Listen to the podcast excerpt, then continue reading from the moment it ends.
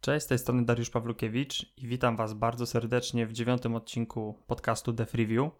I na wstępie chciałem Was przeprosić za to, że podcast miał tak długą przerwę, która trwała blisko 4 miesiące. Ja przyznam się szczerze, nie planowałem tej przerwy.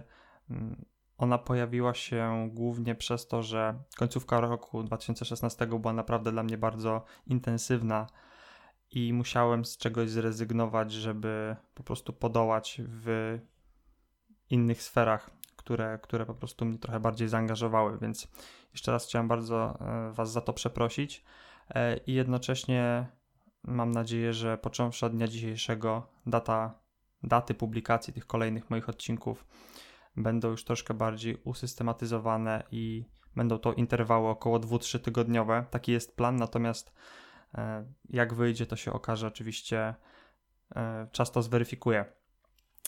Więc tyle tytułem wstępu. E, dzisiejszy temat jest moim zdaniem bardzo, bardzo ciekawy, bo porozmawiamy sobie o linku, czyli czymś, co pojawia się niejednokrotnie na rozmowach rekrutacyjnych, e, coś, co my jako .NET deweloperzy znamy bardzo dobrze i wykorzystujemy na co dzień w swojej pracy. E, a o linku i jakichś takich rzeczach związanych z tym językiem opowie nam Rafał Chryniewski. E, Rafał jest programistą, rzecz jasna. Oprócz tego jest blogerem, który rozpoczął swoją karierę za sprawą konkursu Daj się poznać, a także od pewnego czasu spełnia się jako prelegent na jakichś lokalnych grupach i mam nadzieję też, że niedługo usłyszymy o nim na jakichś większych konferencjach programistycznych. Tak więc jeszcze raz e, chciałem Was przywitać w tym dziewiątym odcinku i mam nadzieję, że e, materiał Wam się po prostu spodoba. Zapraszam.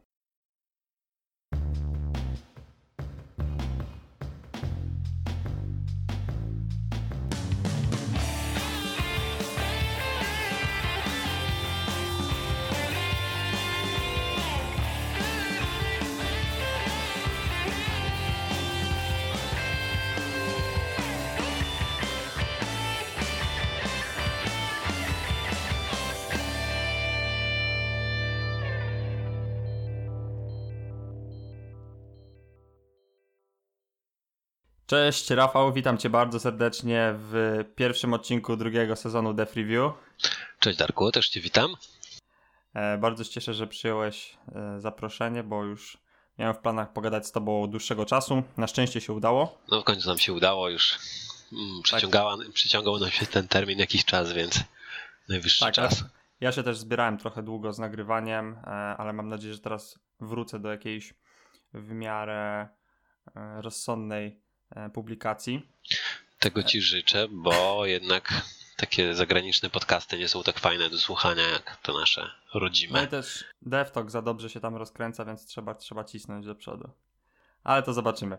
Dobra, e, na początku prosiłbym Ciebie, żebyś powiedział parę słów o sobie słuchaczom, tak żeby mm, ci, którzy nie znają może Twojej persony, żeby po prostu Cię trochę bliżej poznali. To są tacy? No, Cześć, nazywam się Rafał Chryniewski. Na co dzień jestem programistą w Elastic Cloud Solutions. Prowadzę też bloga pod adresem chryniewski.net. E, blog trwa już mniej więcej od roku czasu, kiedy zaczął się konkurs Daj się poznać i już jakoś tak został. A hobbystycznie lubię sobie pędzić browarki, lubię sobie poczytać komiksy, jakieś ciekawe książki i pokodzić sobie już za darmo w domowym zaciszu. I warto też dodać, że od jakiegoś czasu e, rozkręciłeś się jako prelegent, tak? I już na kilku e, miałeś kilka możliwości wystąpienia i dzielenia się jakby swoją wiedzą z innymi programistami.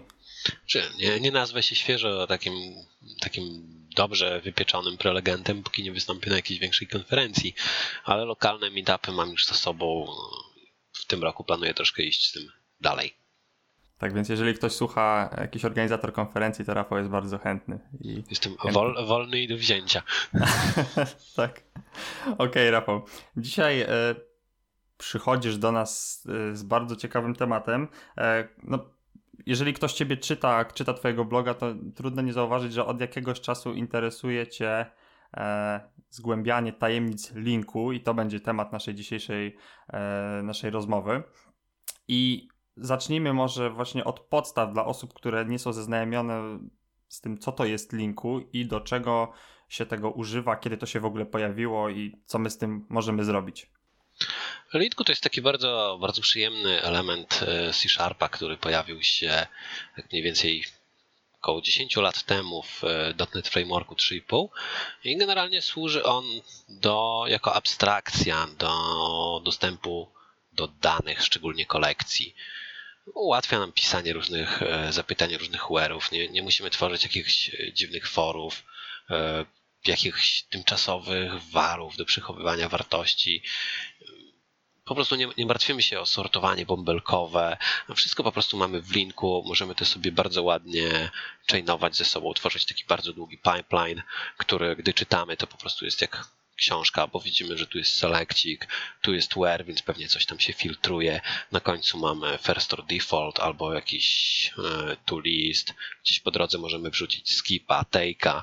No i to jest bardzo czytelne, bardzo fajne i mimo, że wiele osób to hejci, to Sporo, okay, czyli, sporo programistów, które, których znam, nawet stwierdziło, że e, był to element, dzięki któremu wybrali właśnie C Sharpa, a nie taki inny język na J.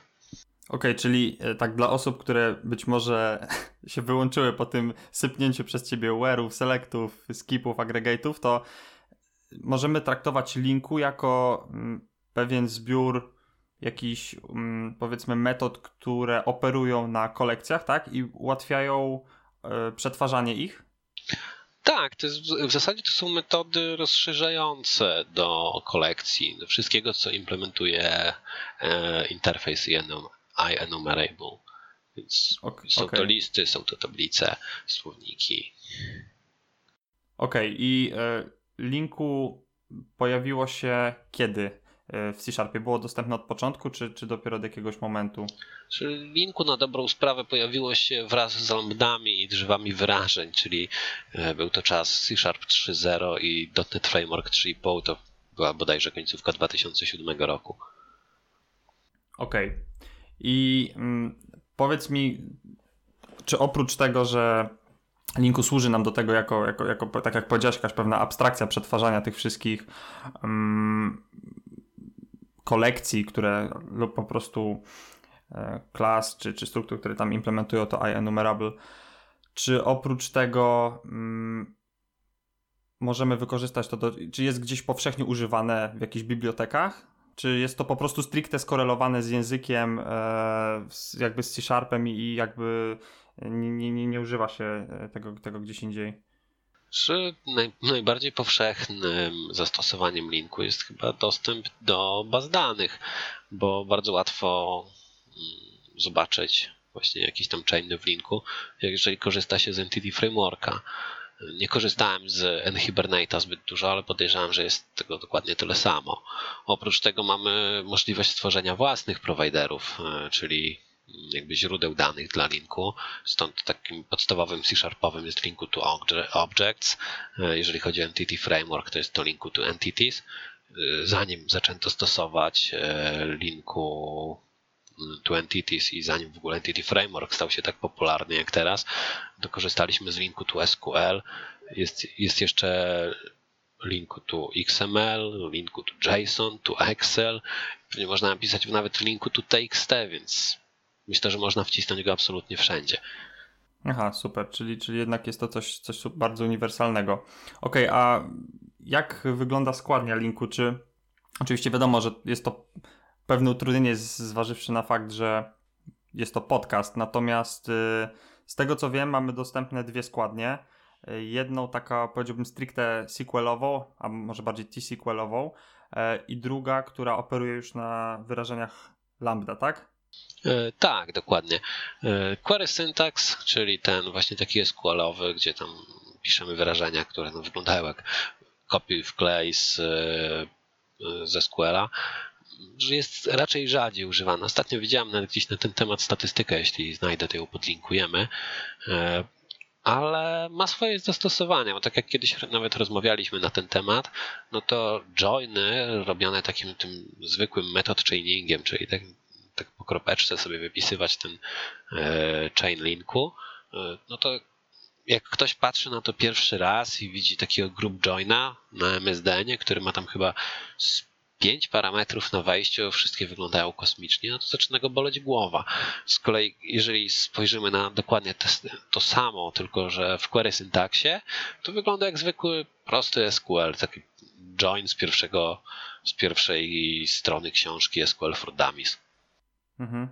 Okej, okay, ale mm, tak co do zasady, to rozumiem, że wszystko to, co piszemy w linku e, tym, który używa ekspresjonów, jest tożsame z tym, jest, jesteśmy w stanie napisać dokładnie to samo w, e, w tym powiedzmy linku bardziej SQL-owym, tak? I po prostu kwestia przejrzystości kodu i jakby tego, ile się napracujemy.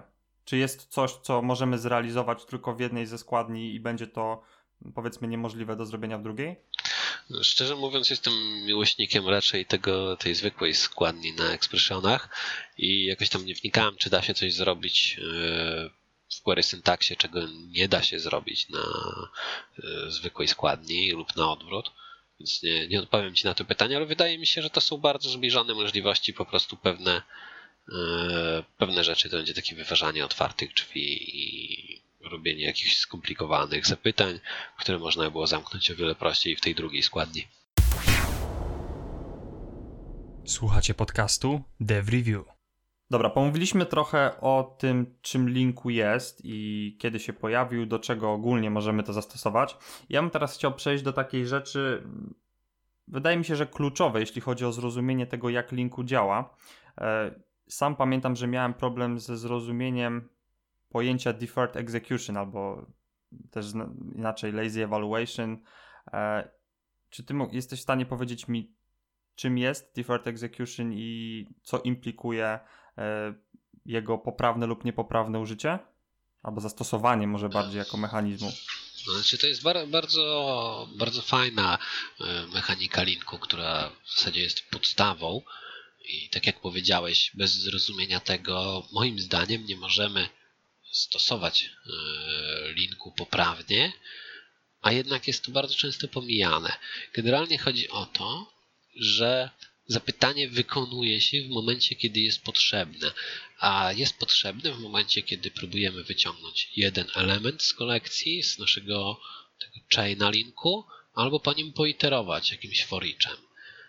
No i są to na przykład tu listy, które całego naszego enumerable'a lub queryable'a, o którym pomówimy pewnie później, tak e, zamieniają w taką wewnętrzną kolekcję in-memory lista, czyli nazywa się to często materializowaniem zapytania, albo wyciągamy jeden element jakimś first or defaultem, albo chcemy je przeliczyć countem. I tutaj na przykład jest e, dosyć ciekawa pułapka, bo jeżeli mamy e, naszego chaina linku, który gdzieś tam na końcu wypluwa powiedzmy 100-200 tysięcy elementów, to jak najbardziej możemy w kilku miejscach użyć mm, przy zmiennej zawierającej nasz chain e, counta, tylko za każdym razem będziemy liczyć wszystkie elementy. To nie jest ten sam count, którego mamy w liście i jest bez nawiasów, bo jest propertiesem, a nie metodą e, i który po prostu jest gdzieś zapisany, to za każdym razem będzie liczyć. I z mhm. tym trzeba bardzo uważać, bo ja lubię sobie to wyobrażać w ten sposób, że to jest taki, taka rura, przez którą sobie płyną dane. Mamy sobie takie dane i one sobie płyną. No i w momencie, kiedy e, chcemy sobie coś pobrać, powiedzmy z e, jakiegoś RSS-a albo z jakiegoś innego kanału zewnętrznego, podpinamy sobie pod to chain, robimy sobie where'a na e, powiedzmy datę publikacji, robimy sobie e, selecta na jakieś i projektujemy to sobie na jakieś tam nasze wewnętrzne obiekty i pobieramy wszystko. Pobieramy wszystko, co, co nam pasuje i zapisujemy to do zmiennej. Taki nasz chain linku zapisujemy do zmiennej. Zmienna jest typu enumerable t. I to nie jest obiekt. to jest podstawą zrozumienia właśnie deferred execution, że to nie jest tak naprawdę e, obiekt, który, który przechowujemy w pamięci. To jest samo zapytanie. I w momencie, mhm. kiedy robimy for each'a po tej zmiennej, wszystko pobieramy jeszcze raz. W momencie, kiedy robimy tu lista, wszystko pobieramy jeszcze raz.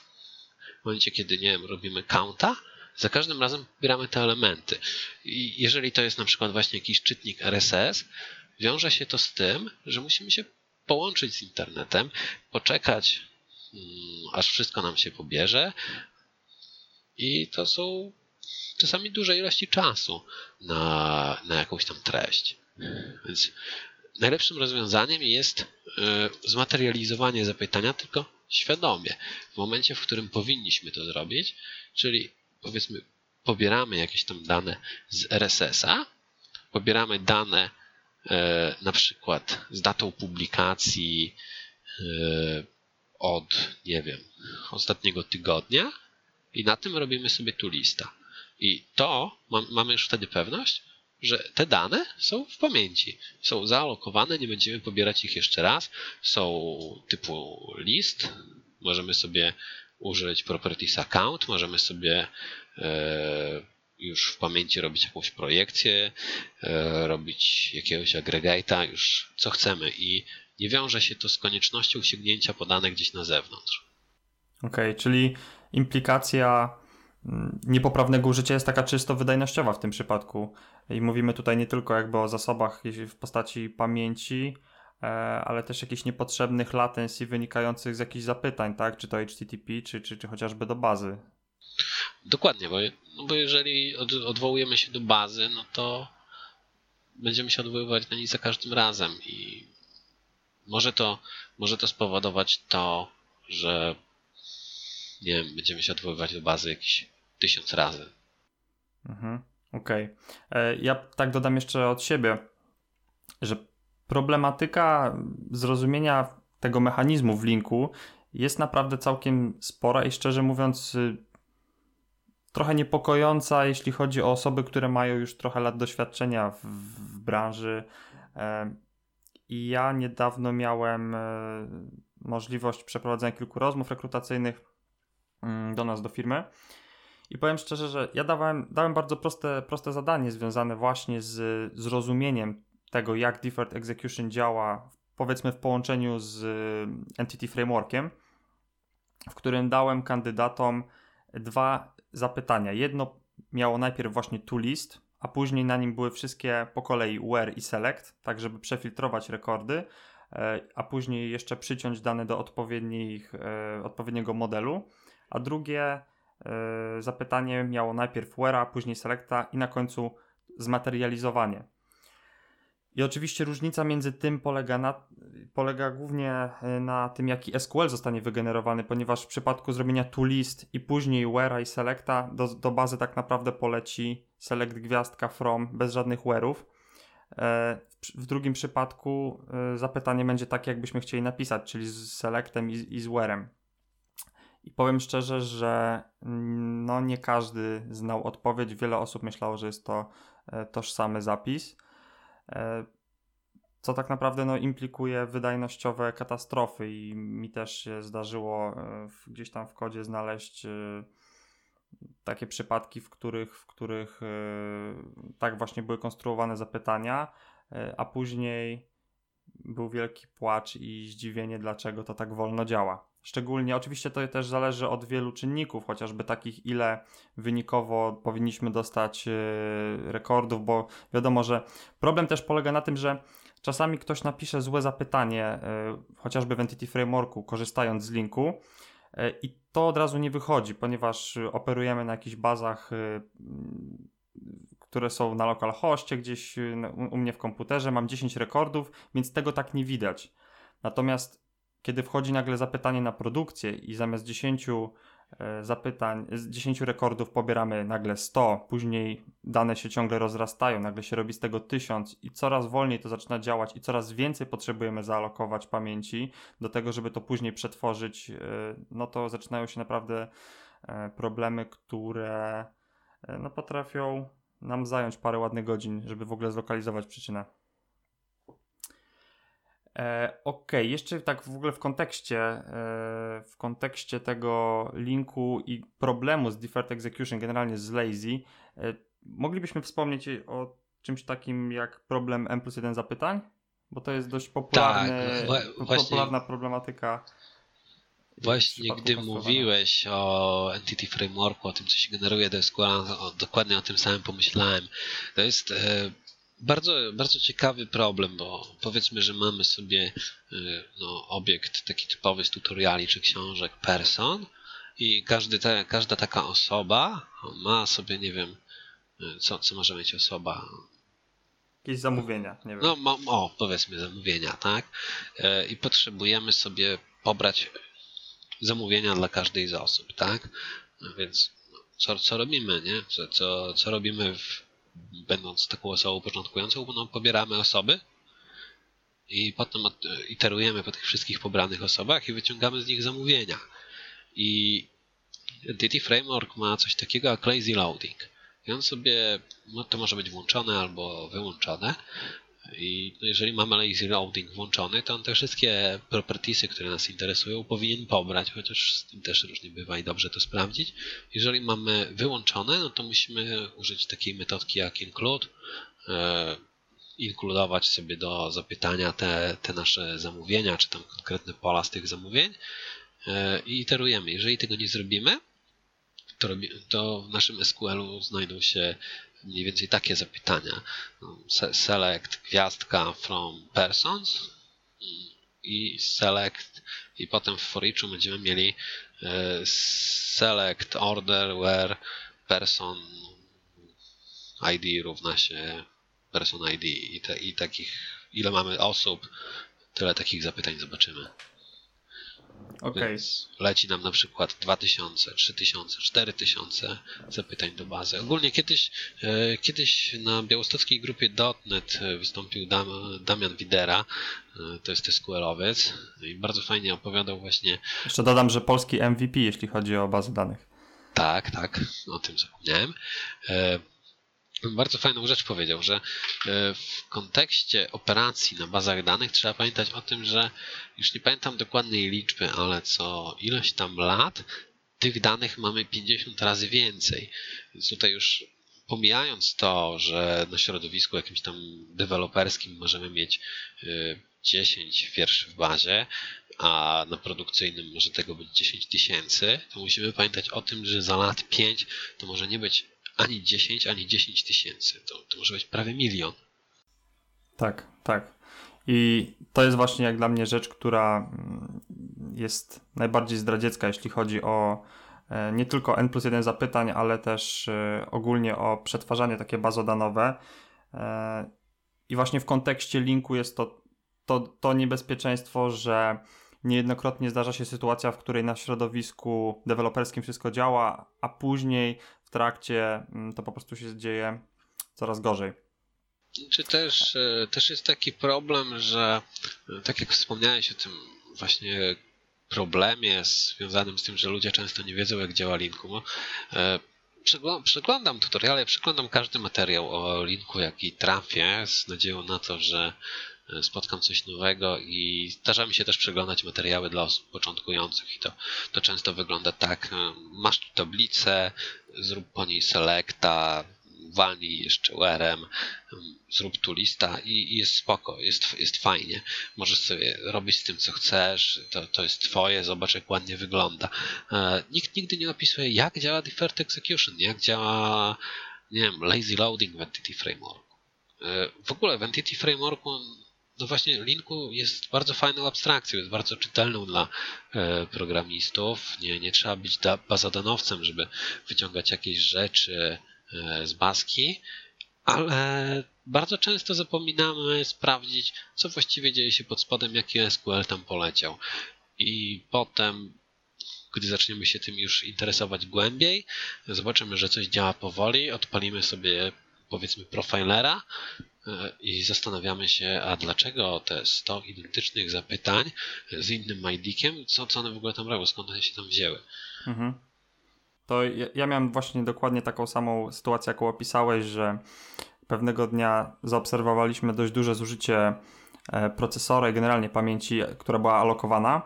E, I co się okazało? Odpaliłem SQL-owego profilera żeby jakby zbadać przyczynę i okazało się, że właśnie mieliśmy włączony lazy loading i e, wystąpił problem N plus 1 zapytań, który skutecznie e, wpływał na, oczywiście negatywnie na wydajność i zamiast pobrać wszystko jednym zapytaniem, e, wykonywał no, co najmniej 60. Natomiast należy też pamiętać o tym, że to było 60 zapytań w kontekście jednego użytkownika. Natomiast jeżeli przemnożymy to przez kolejne n użytkowników, to ta liczba może się okazać zabójcza dla naszej bazy danych i też jakby pamiętajmy o czymś takim jak transaction poll, e, który jest skończony.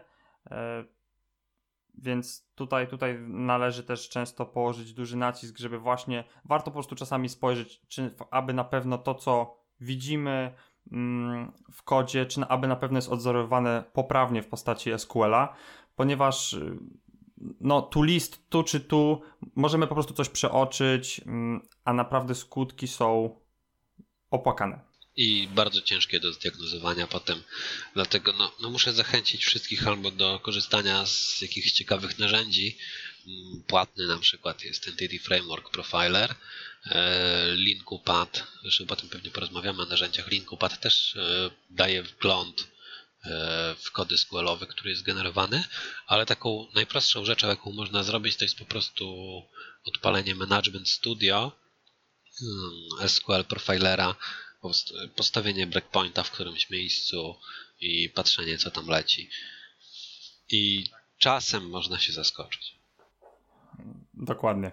Ok, jeszcze chciałem zahaczyć o jedną rzecz w kontekście mm, tej części podcastu, a mianowicie o słówko e, yield w C Sharpie, które też przyczyniło się do, do implementacji e, części rzeczy w, w, w linku. W ogóle polecam, tak jeszcze dodam, e, polecam bardzo serię e, Johna Skita na jego blogu Reimplementing Linku, który podjął się tego e, zadania do tego, aby powiedzmy swoimi siłami spróbować od nowa napisać linku i tam właśnie zdarzało mu się dość często korzystać ze słówka yield E, w C-Sharpie i możesz e, powiedzieć, do czego jest ono używane i, i, jak powinniśmy z niego korzystać mądrze. Też właśnie w kontekście, powiedzmy, metod rozszerzających i jakby e, linku.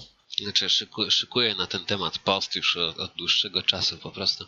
E, no, post na bloga musi troszeczkę miejsca zająć, a dla mnie taką najprostszą, najwięcej mówiącą, e, mówiącym opisem Yilda, czy tam Yelda, nie wiem nigdy do końca jak to się wymawia, e, jest po prostu maszyna stanowa, bo w gruncie rzeczy tworzy się pod spodem e, maszyna stanowa, która robi jakąś tam iterację, leci sobie po kolekcji e, i zapamiętuje w każdym momencie, gdzie właściwie jesteśmy, czyli mamy sobie tam tablicę intów raz, dwa, trzy, cztery, którą potem przepuszczamy przez jakiegoś tam e, jakieś tam metodki e, i one są wypluwane, nie wiem, yieldem, to po prostu pamiętamy, że wypuściliśmy jedynkę w świat, coś tam się z nią stało, potem wypluliśmy dwójkę, no i coś tam się z nią też stało.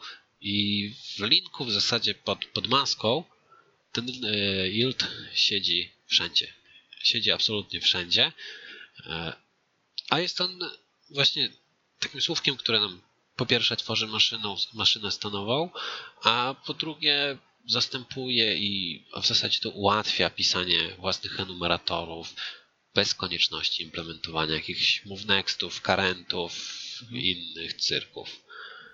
Bo generalnie metoda, która y, ma yielda, jakiegoś tam yield returna, zwraca enumerabla, tak? Generycznego, który... Tak.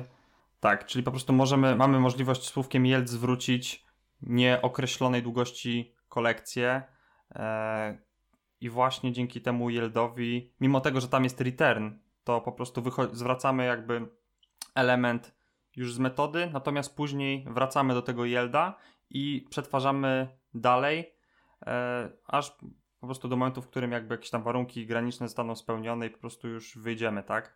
Więc sam, sam return yield nie, mm, nie oznacza, że raz tylko wyjdziemy z tej metody. Możemy wyjść n razy, chociażby jeżeli będziemy yieldowali w jakimś tam forichu, to tak naprawdę tego returna osiągniemy kilka lub kilkanaście razy, tak? Tak, ja u siebie na blogu zresztą mam takie kilka różnych eksperymentów dotyczących wspomnianego wcześniej Deferred Execution e, i ma to bardzo dużo wspólnego z yieldem, będziemy mogli podlinkować. Okay. I to, to są takie proste selekty, które po prostu pokazują, że yy, to na tym sobie printują różne rzeczy do konsoli i najzwyczajniej w świecie no, osoby, które nie do końca wiedzą, jak to działa, są zaskoczone rezultatami. Mhm. A jeszcze mam pytanie, mm, żebyśmy uściślili dla osób, które, które być może nie, jakby nie zrozumiały skrótu myślowego. E, powiedziałeś, że pod spodem jest tworzona maszyna stanów. Pod spodem, czyli gdzie? No, czyli w ilu, już po kompilacji A, okay. kodu. Okej, okay, czyli intermediate language.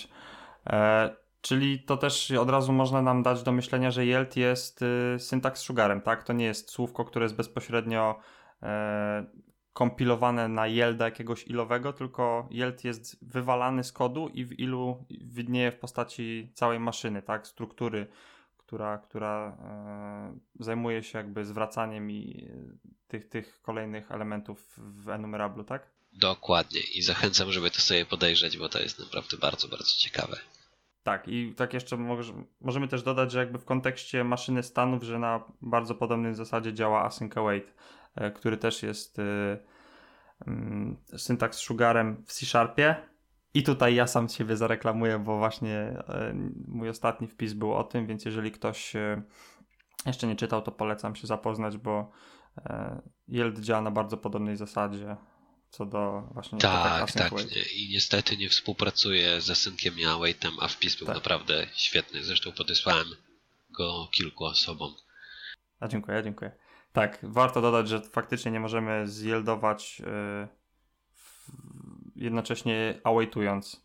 I właśnie jest to związane jakby w kontekście, w kontekście maszyny stanów i tego, jak oba te mechanizmy są zaimplementowane na poziomie już kodu pośredniego. Słuchacie podcastu Dev Review. Ok, Rafał, przejdźmy trochę dalej. Chciałem teraz porozmawiać o kolejnej, powiedziałbym, kluczowej, przynajmniej dla mnie, mm, sprawie, jeśli chodzi o linku, a mianowicie o różnicy pomiędzy dwoma interfejsami, a mianowicie e, iQueryable i iEnumerable, tak jak żeśmy wspomniali wcześniej. I to jest kolejna rzecz, którą ja też, y, o którą się, ja, ja się dopytywałem na rozmowach e, rekrutacyjnych. I jaka jest główna różnica między nimi? Ale rekrutujesz mnie? Tak, zobaczymy czy, zobaczymy, czy dostaniesz pracę. Nie no.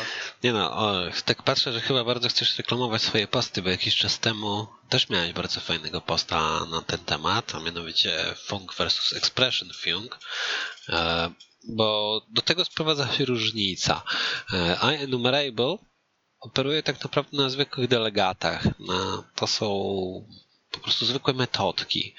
A Queryable z kolei operuje już na drzewach zapytań. I to są. To są. Mm, brakuje mi tu słowa. To są wyrażenia, które w bardzo łatwy sposób możemy przetłumaczyć dla zewnętrznych prowajderów, na przykład dla SQL-a. Mhm. I no. Ekspre- tak, zwykły funk to, to jest tak naprawdę zwykły delegat. Możemy w tym momencie, w tym miejscu podstawić jakiegoś gettera, możemy podstawić metodkę.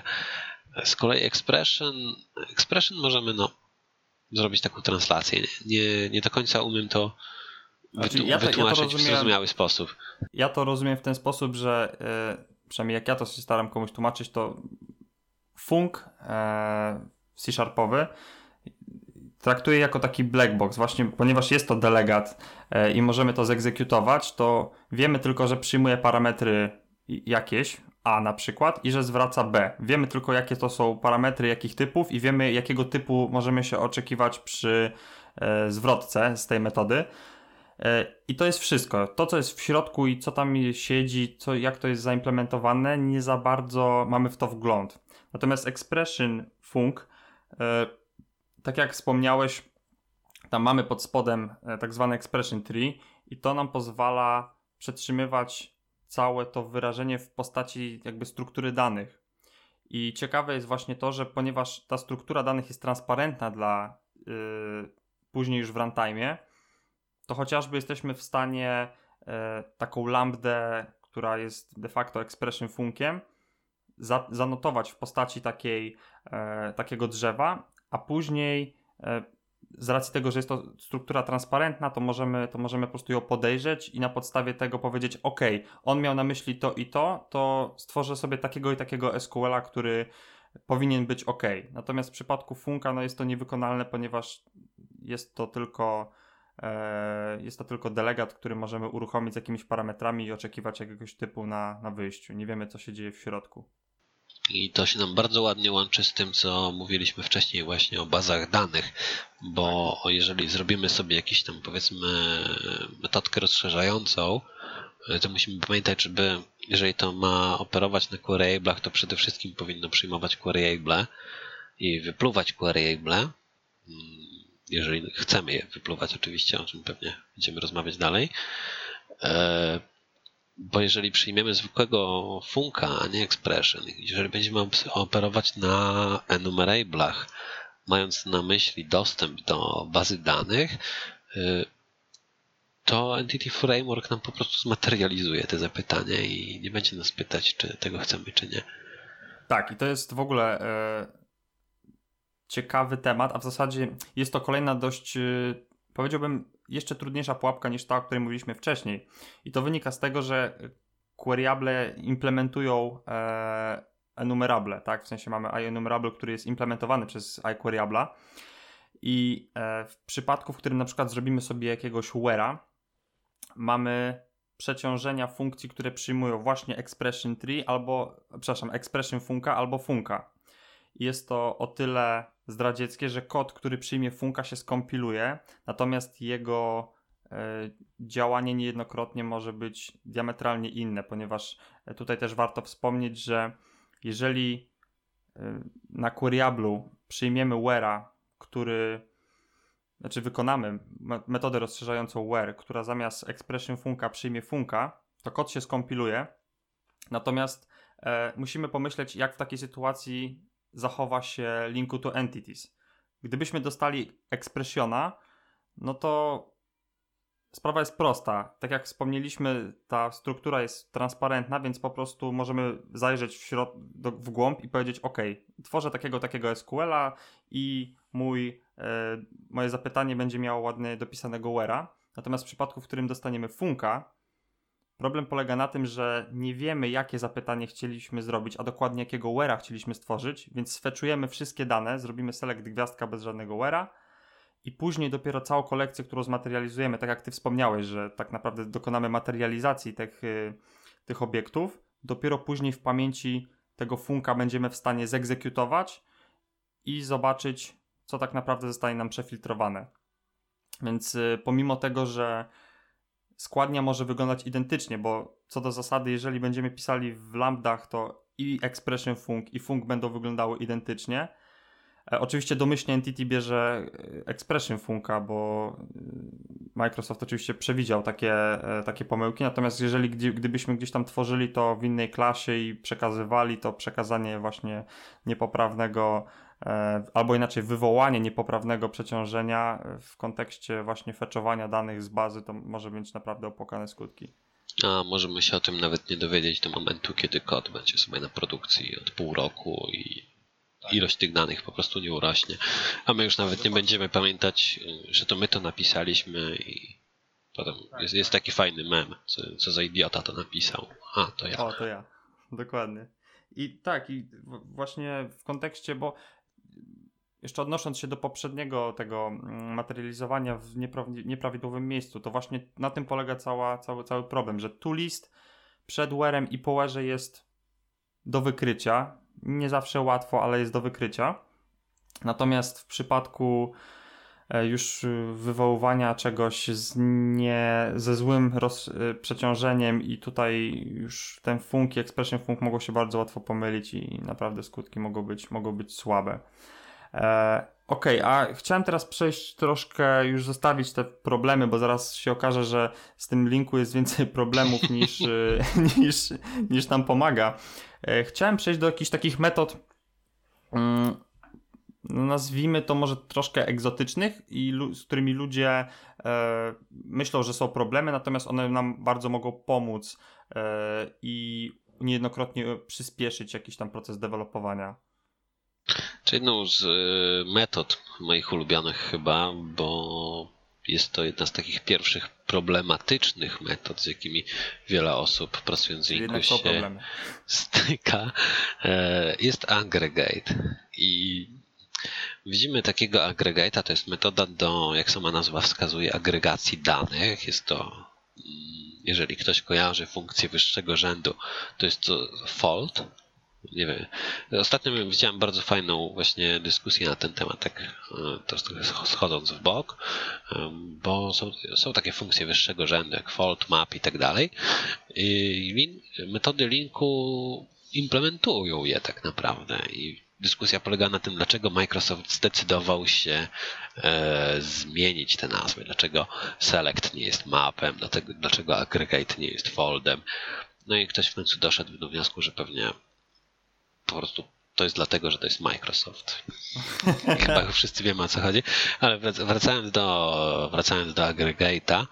E, Aggregate jest dosyć skomplikowany, bo przyjmuje na przykład coś takiego jak e, akumulator, no nazwijmy to w ten sposób, czy, to, czy tam root, który jest takim workiem, workiem lub takim obiektem końcowym, który chcemy z siebie wypluć i przyjmuje drugi obiekt, który jest e, obiektem kolekcji, po której iterujemy, czyli powiedzmy raz, dwa, trzy, cztery. I wydaje się to dosyć trudne do, mom do momentu, kiedy nie zdamy sobie sprawy z tego, że takie metody już mamy, tak, z takich metod korzystamy. I jedną z najbardziej znanych takich metod jest max który tak naprawdę wybiera mhm. maksymalną liczbę i tym akumulatorem jest największa liczba, po której przeiterowaliśmy do tej pory, e, a cała reszta to jest, mm, to jest po prostu liczba, po której na przykład iterujemy i sprawdzamy, czy jest większa od tego, co mamy w akumulatorze. Jeżeli jest większa, no to go zastępuje, jeżeli nie, no to lecimy dalej. Powiem szczerze, że nawet nie wpadłem na to, że, że to mogło być tak zaimplementowane. To mnie zaskoczyłeś, bo...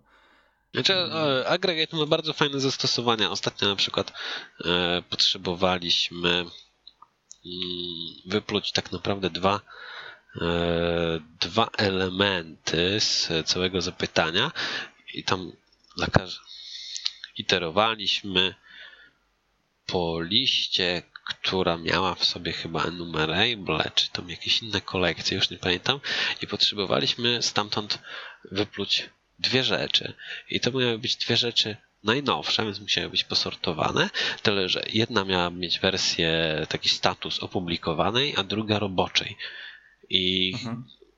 po prostu, jeżeli najnowsza wersja, y, którą mieliśmy, była opublikowana, to nie potrzebowaliśmy pobierać roboczej, bo każdy ma do, dostęp do wersji opublikowanej, ale jeżeli najnowsza wersja jest robocza, to potrzebowaliśmy dodać do tego następną wersję, która jest opublikowana e, i udało mi się to rozwiązać właśnie agregatem w, w miarę prosty sposób. Koledze, który to zobaczył, no, wydawało się, że to jest czarna magia, ale to zadziałało.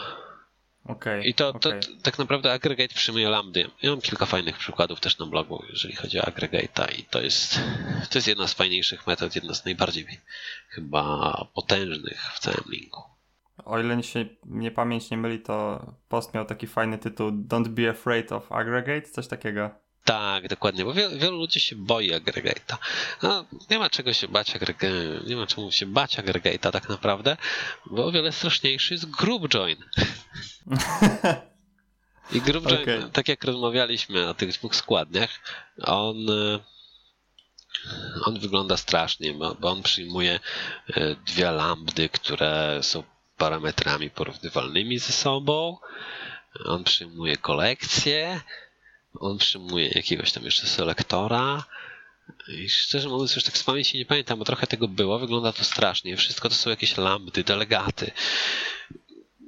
On, on jest przerażający. No w query syntaksie wygląda jak zwykły SQL. Zresztą też, też chcę o nim napisać posta. Ale jeżeli chcemy włączyć jakieś dwie kolekcje w całość, bazując na jakichś tam odpowiednich predykatach, no to nie ma lepszej metody niż group join. Znaczy, możemy robić fora, możemy, możemy jakieś pewnie dziwne sztuczki robić, ale group join jest do tego stworzony i zrozumienie go, no, myślę, że jest bardzo użyteczne. Jednym z fajniejszych zastosowań na przykład różnych innych metod jest intersect. Okay. No, intersect na przykład zwraca nam elementy, które pojawiają się intersect często właśnie można połączyć z acceptem. Intersect e, zwraca nam elementy, które pojawiają się w obu kolekcjach. I to można wykorzystać naprawdę fajnie. Bo... Czy to jest takie, jakbyśmy rozmawiali o zbiorach, to po prostu tak przecięcie, tak? Czyli właśnie intersekcja zbiorów. W takim rozumieniu stricte matematycznym. Tak. I okay. no widziałem przykłady, gdzie ktoś po prostu bierze dwie kolekcje i dla jednej, dla jednej z nich sprawdza w drugiej czy ta kolekcja contains i element, element, element, element, element, element, element. Okay. I, te, I tak lecimy. I to jest bez sensu. Wystarczy zrobić intersecta. E, albo na przykład powiedzmy, że nie wiem, przyjmujemy jakąś tam, mamy sobie listę użytkowników, którzy są w bazie, przyjmujemy listę użytkowników, których chcemy zsynchronizować, no i listę użytkowników, no i część użytkowników nie jest aktywna w tym zewnętrznym źródle synchronizacji, więc chcemy ich wywalić. No i jakbyśmy to zrobili? No, możemy robić jakieś dziwne rzeczy, ale możemy też wyciągnąć powiedzmy ID-ki z obydwu kolekcji i zrobić sobie accepta. I wszystko, wszystko to, co wypłynie accept, czyli e, taki wyjątek, to jest to, co powinniśmy wywalić. I mhm. tak samo na przykład jest selectem. No. Select, selecta używa prawie każdy. Wyciągamy jakieś tam interesujące nas e, pola z baski, robimy jakieś projekcje na nowe obiekty, na obiekty anonimowe. E, a co w momencie, jeżeli chcemy zrobić projekcję na, nie wiem, w jeden sposób na, dla liczb parzystych, a w drugi sposób dla liczb nieparzystych. I mówię tu o indeksie. Mhm. I tutaj, o, przecież enumerable nie ma indeksów. Prawda? Bo nie ma. Tak, tak. Ale select ma. Okej, okay, czyli to jest przeciążenie, tak? Z tego co rozumiem. Tak, tak. To jest po prostu drugi parametr selecta, o którym wiele osób nie wie. A jeżeli no, ja, ja, się chyba przyznam, że nie wiedziałem tak do, do rok temu, czyli półtora roku mi chyba zajęło tak, żeby odkryć. No ja odkryłem, jak już zacząłem tak troszkę bardziej dłubać w linku. E, ogólnie polecam przede wszystkim e, MSDN-a i sobie rozszerzenia dla metodki dla klasy IEnumerable, bo tam mamy wypisane wszystko, do czego służy i tak dalej. I tutaj możemy się dowiedzieć o metodkach y, typu, nie wiem, sequence equals, która sprawdza y, elementy dwóch kolekcji pod względem y, identyczności i kolejności elementów i też może nam się przydać, na przykład powiedzmy, nie wiem, do porównywania ścieżek w urlu. Tak strzał. No to fajny, fajny przykład gdzie kolejność jest ważna, identyczność jest ważna. Możemy przekazać własny komparer, bo wielkość znaków przy urlu nie powinna nas interesować. I nie musimy tego robić w jakiś tam wymyślny sposób w forze, przekazywać tam dla indeksu 0 sprawdź indeks 0 z tej kolekcji, czy jest identyczny z indeksem 0 dla tej kolekcji i tak lecimy sobie. I napiszemy sobie, nie wiem, 5-6 linii kodu, a możemy to zrobić jedną. A jeszcze przy okazji w takim sequence equals nie pomylimy się, przekazujemy tam tak naprawdę dwie kolekcje. A w forze, no, czasami po tych kilku godzinach pracy, czy, czy mając gorszy dzień, możemy gdzieś, nie wiem, postawić znak równości, nie w tą, znak większości, mniejszości, nie w tą stronę, albo zapomnieć o znaku równości przy takim porównywaniu. No to klasyk, klasyka gatunku akurat. No tutaj, taki, taki, tutaj, taki, tutaj nam to po prostu nie grozi. Jasne. Ok, chciałem tak jeszcze szybko przejść do tematu good practice albo tego, co należy, co nie należy robić e, w przypadku, w którym się zdecydujemy na korzystanie z linku. E, czy masz jakieś takie mm, powiedzmy kilka, kilka takich y, reguł, które, których należy przestrzegać? Znaczy, mam na, mam na pewno to wszystko to, o czym rozmawialiśmy wcześniej, Oczywiście, to, to tak, na tak. pewno trzeba rozumieć. E, dodatkowo mogę od siebie polecić lekturę. E, zapomniałem dokładnego adresu, to na pewno podlinkujemy. E, to jest Microsoft Source Reference, reference source i tam mamy dostęp do kodu źródłowego praktycznie każdej metodki w linku. I to... A, to jest chyba source of .NET, coś takiego. To Scott Hanselman o tym wspominał, że tam generalnie nie tylko jest linku, ale generalnie jest C Sharp y, i czy nie C Sharp, tylko .NETowe, e, .NETowe jakieś tam metodki, więc tak, tak, tak. Tam, tam jest tego mnóstwo. Ja to przeglądałem właśnie pod kątem link, linku i na przykład no, wychodzą różne rzeczy, na przykład, że y, toArray, y, mamy takie metodki jak toArray i toList i wychodzi na to, że toList, tu, toList może być szybszy, mimo że tablica jest troszkę mhm. bardziej optymalnym, optymalną strukturą danych. E, to, e, żeby, nie było, żeby nie było, że będę za miłym prowadzącym, to tylko powiem, że nie ma czegoś takiego jak bardziej lub mniej optymalny. Optymalny sam z siebie jest najlepszy. No tak, ale no, chodziło, no, chodziło mi o to, że. zboczenie po studiach. E, chodziło mi o to, że to jest e, prostsza struktura danych, więc mam mniej takiego narzutu, ale jeżeli dobrze pamiętam, tutaj nie, nie jestem tego tak na 100% pewien, ale jeżeli dobrze pamiętam, to tu alokował dwa razy. A to szczerze mówiąc, ja, ja nie pamiętam. Już nie ale pamiętam no... szczegółów, ale warto to sobie sprawdzić. Ja sam na pewno to sobie sprawdzę. Tak, i to też nawet nie, nie w kwestii, nie w kontekście linku to głównie tak, mówimy oczywiście o linku, natomiast ogólnie jeżeli e, tutaj ktoś ze słuchaczy byłby ciekawy, jak różne rzeczy są zaimplementowane, jakieś prowajdery defaultowe w .NETie albo jakieś, nie wiem, różne operacje e, na GUIDach czy czymś, czymś, czymś takim, to, to polecam sobie zajrzeć, bo naprawdę nagle się okazuje, że tam no czasami jest, czasami jest grubo i potrzeba trochę przysiąść, żeby zrozumieć jak coś działa, szczególnie jeżeli tu jeszcze jedna metoda ma 15 przeciążeń i wywołują same siebie gdzieś tam, to naprawdę można się pogubić, ale fajnie przeczytać, żeby zobaczyć jak, jak to jest napisane. I właśnie też tym, z tego co pamiętam, posiłkował się chyba właśnie John Skid przy tym reimplementing linku. No nie dziwię się, bo na, nawet pisząc durne jakieś rozszerzenia dla Unravelly czy Queryably, no to warto się uczyć od, że tak powiem, najlepszych osób, które to wymyśliły i zobaczyć, jak to jest w ogóle poskładane. A mhm. jeśli już właśnie jesteśmy na przykład przy Queryablach, no to też tak jak rozmawialiśmy, to operuje na drzewie zapytań, które gdzieś tam cały czas siedzi.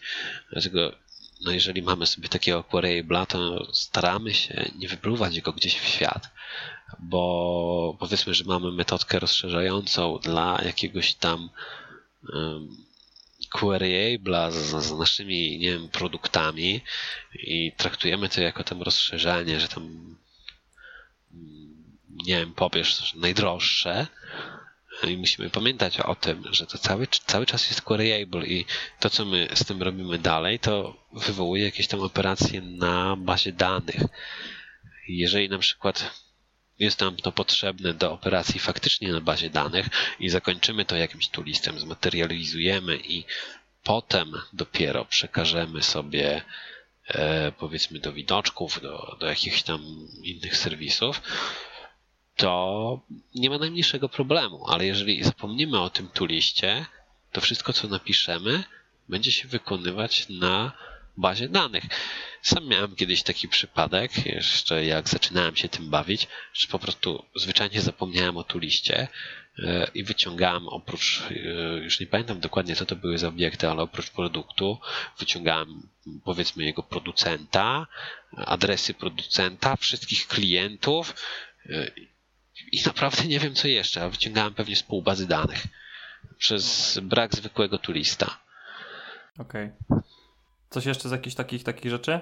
Dokładnie to samo mamy z enumerable. No, no jeżeli mamy powiedzmy sobie jakiś tam serwisik pobierający dane nie wiem, z blogów dotnetowych, naj, najciekawsze posty, powiedzmy, i mamy sobie taki, nie wiem, 5 linków, 10 linków i sobie wszystkie chcemy pobrać, I jeżeli zostawimy tam, no to, to jest to numerable, tak? Więc teoretycznie nie powinniśmy mieć takiego problemu jak z bazą danych, prawda? Ale mhm. jeżeli zostawimy tam e, tego enumerable'a, nie zmaterializujemy go i powiedzmy najpierw będziemy chcieli, e, to chyba wspominałem o tym, najpierw będziemy chcieli wyświetlić raport, łączną liczbę postów pobranych e, tego i tego dnia, no to pobieramy wszystkie posty, liczymy je, wrzucamy gdzieś to do zmiennej, mamy, nie wiem, 100 postów. A potem wyświetlmy ich listę. No i wyświetlamy ich listę. I znowu pobieramy wszystkie posty. No i to, są, to jest żądanie dwa razy gdzieś na zewnątrz, gdzie no, jedne blogi sobie stoją gdzieś na jakichś super szybkich serwerach, inne gdzieś tam, nie wiem, no, na mniej szybkich serwerach i na wszystko musimy czekać. Jasne. I coś, co zajęłoby nam dwa razy więcej czasu, dwa razy mniej czasu, zajmuje dwa razy więcej czasu, bo pytamy o coś dwa razy. I o takich rzeczach trzeba pamiętać. E, tak samo to też jest fa bardzo fajny przypadek, bo e, zaczęliśmy rozmawiać o tym tu liście i tu arrayu. E, I też, co tak naprawdę dzieje się wewnątrz tu lista czy tu arraya. Bo jak już też wspominaliśmy trochę wcześniej, to jeżeli podepniemy sobie jakieś takie linkowe zapytanie niezmaterializowane pod jakąś zmienną, to w zmiennej przechowujemy tak naprawdę to zapytanie, taki schemat, jak pobrać dane skądś, tak. E, a nie te dane. I co się stanie, jeżeli robimy tu lista, tak? No, żeby uniknąć tego wszystkiego, o czym powiedziałem 5 minut temu, żeby nie wypluć tego queryable'a, żeby nie wypluć tego enumerable'a gdzieś na zewnątrz. Więc przyjmijmy, robimy w każdej metodzie tu lista. No i powiedzmy, wyciągamy sobie jakiś tam obiekcik z bazy danych, jakąś tam kolekcję obiektów.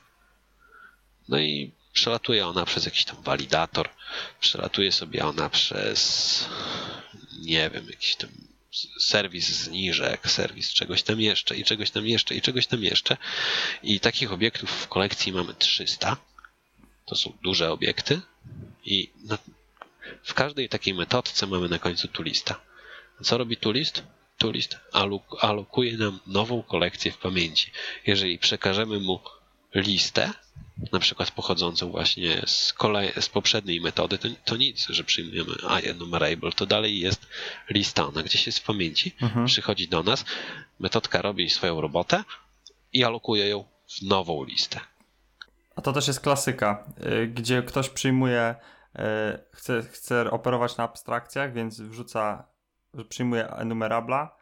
Oczywiście to musi jakby się rzeczy skompiluje i też zwraca enumerabla i później znowu gdzieś tam na górze w metodzie, która to wywołuje, ponieważ to jest jako enumerable, to znowu robi toList i tak cały czas jest tylko toList, toList. Mhm. I tak cofając się do tej analogii tam z, e, przed, z początku podcastu, że e, ten cały pipeline e, linku to jest taki taka rura, przez którą płyną dane, no to takie walenie tu listami wszędzie, to, to, to jest jakby ludzie podawali sobie wiadra. Jeżeli ktoś ze słuchaczy kojarzy, to jak w Settlersach, nosimy takie wiadra z wodą. I, i, to, i to jest właśnie tu list. Ja kiedyś e, robiłem sobie takie teściki wydajnościowe dla linku. Tam e, właśnie był sobie taki mm, optymalizacji, też pewnie jeszcze porozmawiamy. Tam właśnie było kilka takich metodek, które zwracały, przyjmowały numerabla, wy, wypluwały numerabla i właśnie tak ładnie streamowały dane i tak w pewnym momencie y, zaznaczyłem sobie to wszystko i po każdym takim rozszerzeniu dałem tu lista. I chciałem sobie zrobić taki teścik wydajnościowy, zobaczyć co się dzieje. Co się stało? Skończyło mi się miejsce w pamięci. O. Więc zrobiłem to, to, to była jakaś tam kolekcja, tam chyba ręcz od zera do, do iluś tam milionów. E, musiałem niestety troszkę swój test zmienić i taki test musiał być taki, że co, w co drugiej linijce był tu list, bo mój komputer był za słaby. A miał jakieś, są chyba 16 giga. No to Więc ładnie. Bardzo, bardzo łatwo coś takiego zrobić. E, okay. No też e, jeszcze z takich mm, rzeczy, które warto polecić, no to tak wspomniałem o tych agregatach, wspomniałem o tych group joinach, które mają tam po, po ileś tam przeciążeń, przyjmują lambdy i tak dalej. I teraz sobie pomyślcie, czytacie czy, czyjś kod, czytacie czyjś kod i nagle macie takiego aggregate'a. Zawsze boi, baliście się tego aggregate'a, jak on wyglądał w ogóle na schematach, że on przyjmował te lambdy, a ktoś tam jeszcze powsadzał takie lambdy na pięć linijek.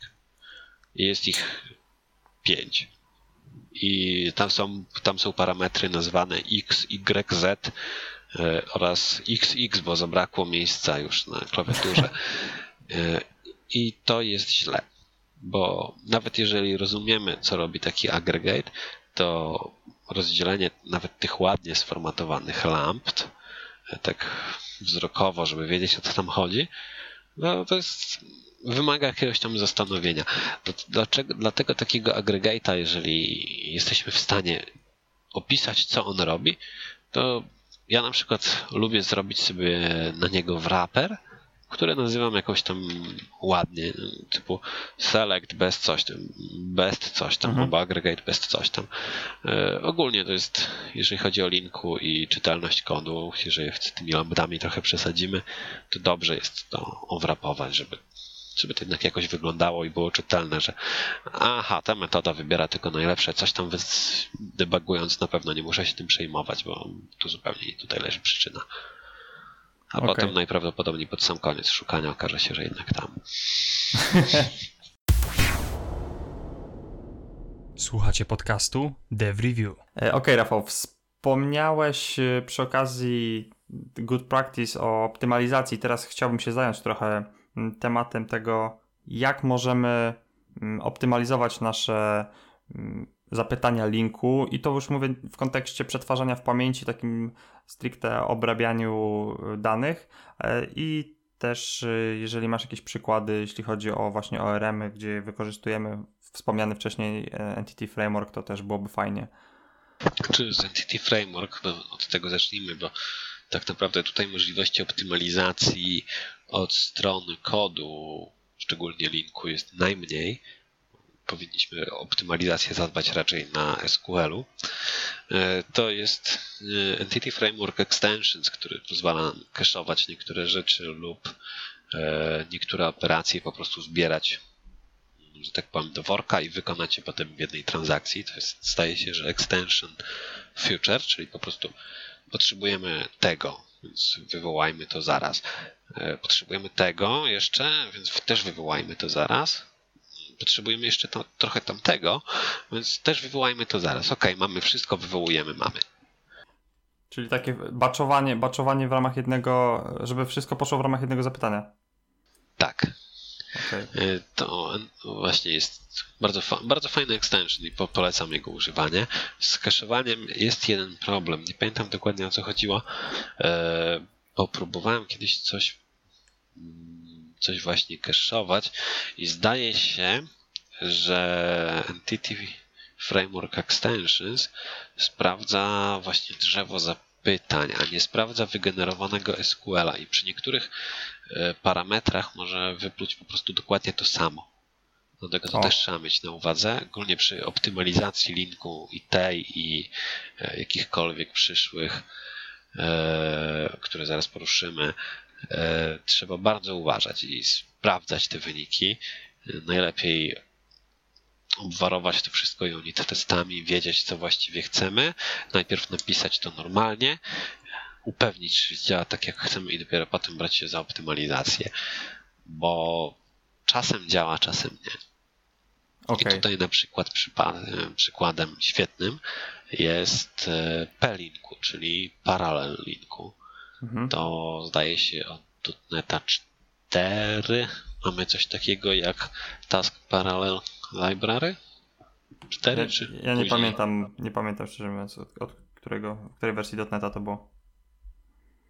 No już tam nie, nie, mniejsza o to, ale to jest po prostu e, możliwość utworzenia naszych zapytań tak, żeby automatycznie rozdzieliły się na wątki i potem poskładały z powrotem do kupy. Tak jak w całym linku jest to abstrakcja, więc e, absolutnie nic nas nie interesuje. Po prostu wpisujemy jedną metodkę, to jest e, .asparallel, zanim zaczniemy tam wykonywać nasze where, selecty i tak dalej. E, I potem to sobie po prostu materializujemy i w magiczny sposób wszystkie te selekty, te wery, te nasze extensiony, które tak skrzętnie pisaliśmy i wykorzystaliśmy w kodzie, one się rozdzielają na wątki i składają się potem do kupy. I kompletnie nie wiemy, co się z nimi w tym momencie dzieje, więc jeżeli, jeżeli komuś to przeszkadza, to zdecydowanie nie powinien tego robić.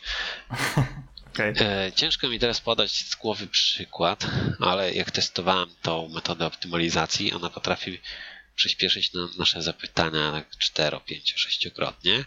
Jak najbardziej jest świetna. No, po prostu czas, czasami e, patrzy się na taki benchmark i robi się takie wow.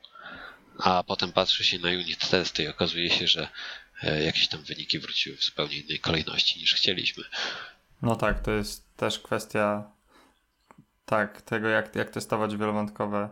Generalnie takie przetwarzanie równoległe nie należy do najprostszych i e, chyba właśnie Maciek Aniserowicz się tym zajmował na jednym ze swoich szkoleń, właśnie przetwarzaniem, tak, znaczy jak takie coś testować, więc e, jeżeli się jakiś tam wpis u niego zrodzi na blogu, to też może dopnę kiedyś tutaj.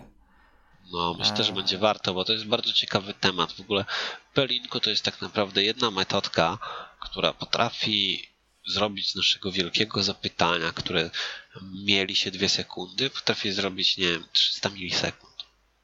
Mówimy oczywiście o operacjach na ogromnych ilościach danych.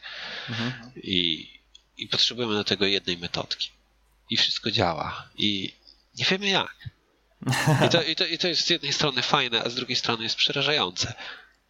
Że nie wiemy, co się dzieje. No, Oczywiście też zawsze można zajrzeć i zobaczyć, jak to jest tam rozwiązane w wcześniej wspomnianym Source of .NET. No, próbo, też... próbowałem, ale nie, nie jest to wcale takie łatwe do zrozumienia, jak jakiś tam toolist. Ja myślę, że jak się przysiądzie, trochę się spędzi tak, czasu. Tak, tak, tak. Znaczy to, to, ten mechanizm działania jest y, bardzo ciekawy, ale y, no nie wgłębiałem się w niego jakoś aż tak.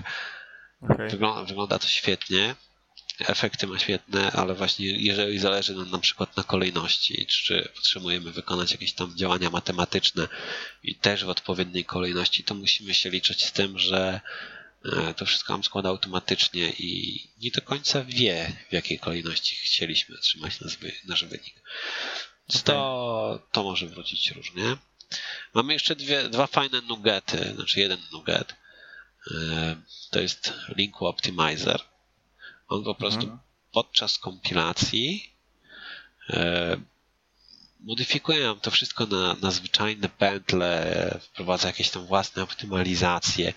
Wymaga tak naprawdę e, użycia extensionów Asquare Expression, zdaje się, e, w pewnym momencie tego naszego linkowego query.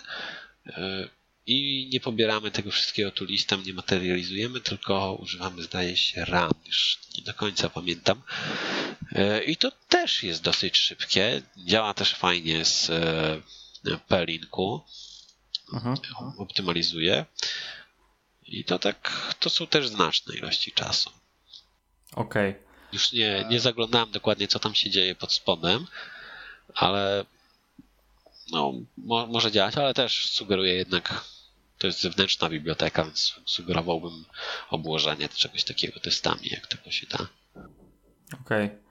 E, dobra, chciałem przejść jeszcze na szybko do tematu debugowania, bo to jest też rzecz, która często odstrasza ludzi od e, kiedy widzą taki pipe linkowy, to jest kwestia tego, jak ja to zdebaguję, tak? No bo jeżeli mamy for each'a, to ja sobie w środku postawię breakpointa, natomiast tutaj nagle dostajemy jakieś query, mamy jakieś query i nagle operujemy na expression funkach i teraz jak ja postawię tutaj e, breakpoint, żeby w ogóle wiedzieć, gdzie ja się aktualnie znajduję? Znaczy, zawsze, zawsze można przesłuchać tego, ten podcast jeszcze raz, wziąć pod uwagę wszystko to, co powiedzieliśmy, poczytać sobie MSDN, źródła i tak dalej, napisać własne linku i wtedy będzie tak napisane, że nie trzeba będzie go debugować. A tak całkiem poważnie, y, to w każdej lambdzie możemy postawić breakpointa. Wystarczy tą śmieszną strzałeczką się ustawić i strzelić sobie w 9 czy mhm. jakiś tam, jeżeli ktoś ma inny skrót podpięty, no to może użyć innego oczywiście. I zwyczajnie stawiamy breakpointa i możemy prześledzić każdy, każdy element y, naszej kolekcji. W lambdach możemy e, użyć try-catchy. to też nie jest problemem. Możemy mhm w lambdach użyć innych lambd, które na przykład, czy tam jakichś metod, które logują, co się dzieje.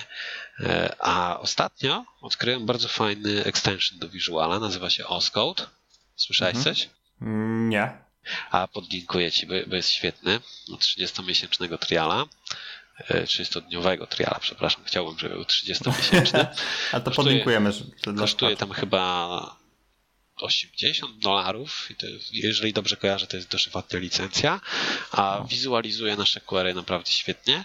Po, pozwala, ogólnie y, podświetla nam ify, które przechodzą na zielono, a które nie na czerwono i nie musimy się tam zagłębiać gdzieś dokładnie sprawdzać, najeżdżać.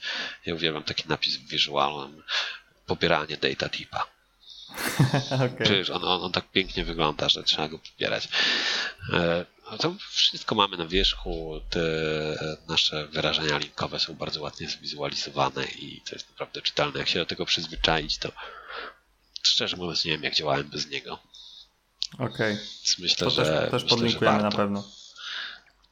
E, Okej, okay, słuchaj, wiesz co, chciałem już tak pomału podsumować jakby naszą całą tą tematykę linkową. Wiadomo, że jest to e, problematycznie rozmawiać o linku, nie pokazując kodu. Bardziej to była kwestia taka mm, właśnie tych good practice i o tym, dlaczego pewne rzeczy działają tak, a nie inaczej. E, wydaje mi się, że najlepszym mm, jakimś takim doszkalaniem samego siebie w kwestii właśnie jakby zaznajomienia się z linku to, to jest przeczytanie chociażby wspomnianego przez Ciebie MSD na jakichś e, fajnych blog postów, których nie ma wcale tak mało i to już nie mówię tylko o angielskojęzycznych, anglojęzycznych, ale także polskojęzycznych jest całkiem sporo fajnych, e, więc y, to co uznamy, albo może nie co uznamy za wartościowe, co nam się przypomni po prostu, że było fajne w kontekście tego podcastu, to na pewno wam wrzucimy. Mm, no Sam mam tak... Tak, no, no, do ciebie na pewno. No w końcu, w końcu powiem tak, no nie wybrałeś tego bez tego tematu przez, bez, bez, bez jakiegoś tam wiesz, przypadku. No. no Chciałeś się zareklamować i, i. Robi jeszcze... mi się nawet prezentacja na ten temat. No to tym, tym lepiej. E, może, no to w sumie jak będziesz miał prezentację, to jeszcze te, może miał też zalinkować tutaj. O, będziesz miał taką reklamę, że. O. o będę jak ten pan z Mediamarktu krzyczący kupuj. no, jasne. Dobra, więc chciałem jeszcze tylko tak od yy, ciebie tak woli jakby podsumowania. Czy linku należy używać, czy, czy nie? Poleciłbyś każdemu, czy jednak w jakichś przypadkach darujmy sobie po prostu?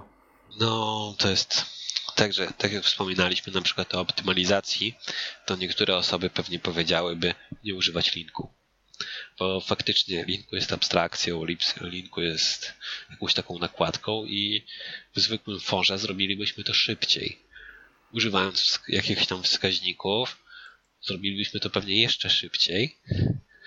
E, I spotkałem się kiedyś z taką bardzo fajną analogią, że mamy, no, mamy młot udarowy, mamy młotek i mamy dłutko.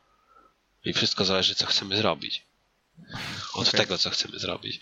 Bo jeżeli potrzebujemy napisać jakiś kawałek kodu i nie, nie martwimy się tam szczególnie o, o jego wydajność, tylko o to, żeby po prostu wygodnie pobrać rzeczy z baski, e, to używamy linku to entities.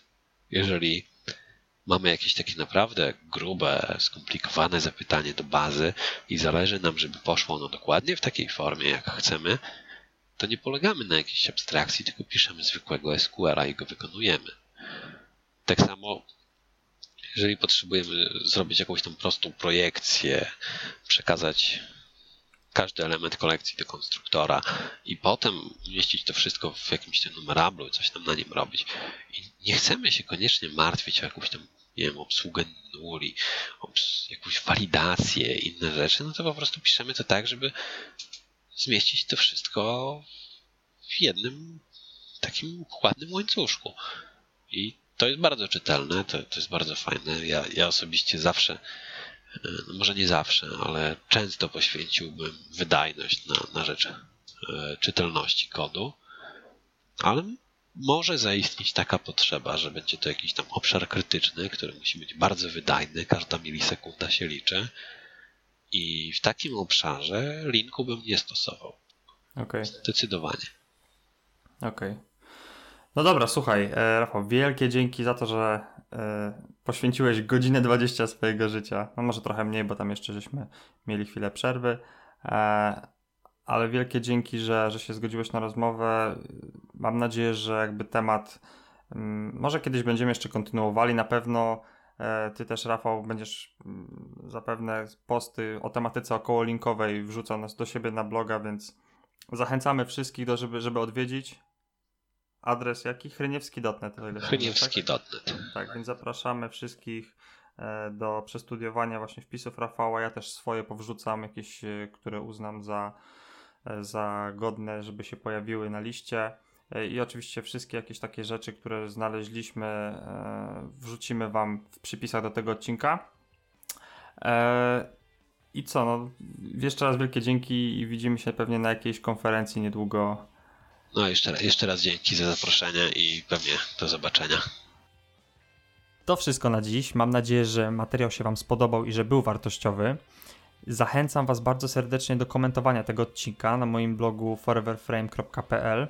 Tam w sekcji komentarzy możecie zadać pytanie, czy to Rafałowi, czy to mi, a także zgłosić Wasze sugestie albo uwagi dotyczące ogólnie podcastu e, albo tego konkretnego odcinka. I tytułem tak zakończenia chciałem także zaprosić wszystkie osoby, które chciałyby się podzielić swoją wiedzą mm, z szerszym gronem odbiorców do tego, abyście Mm, zgłaszali się do wystąpienia w podcaście.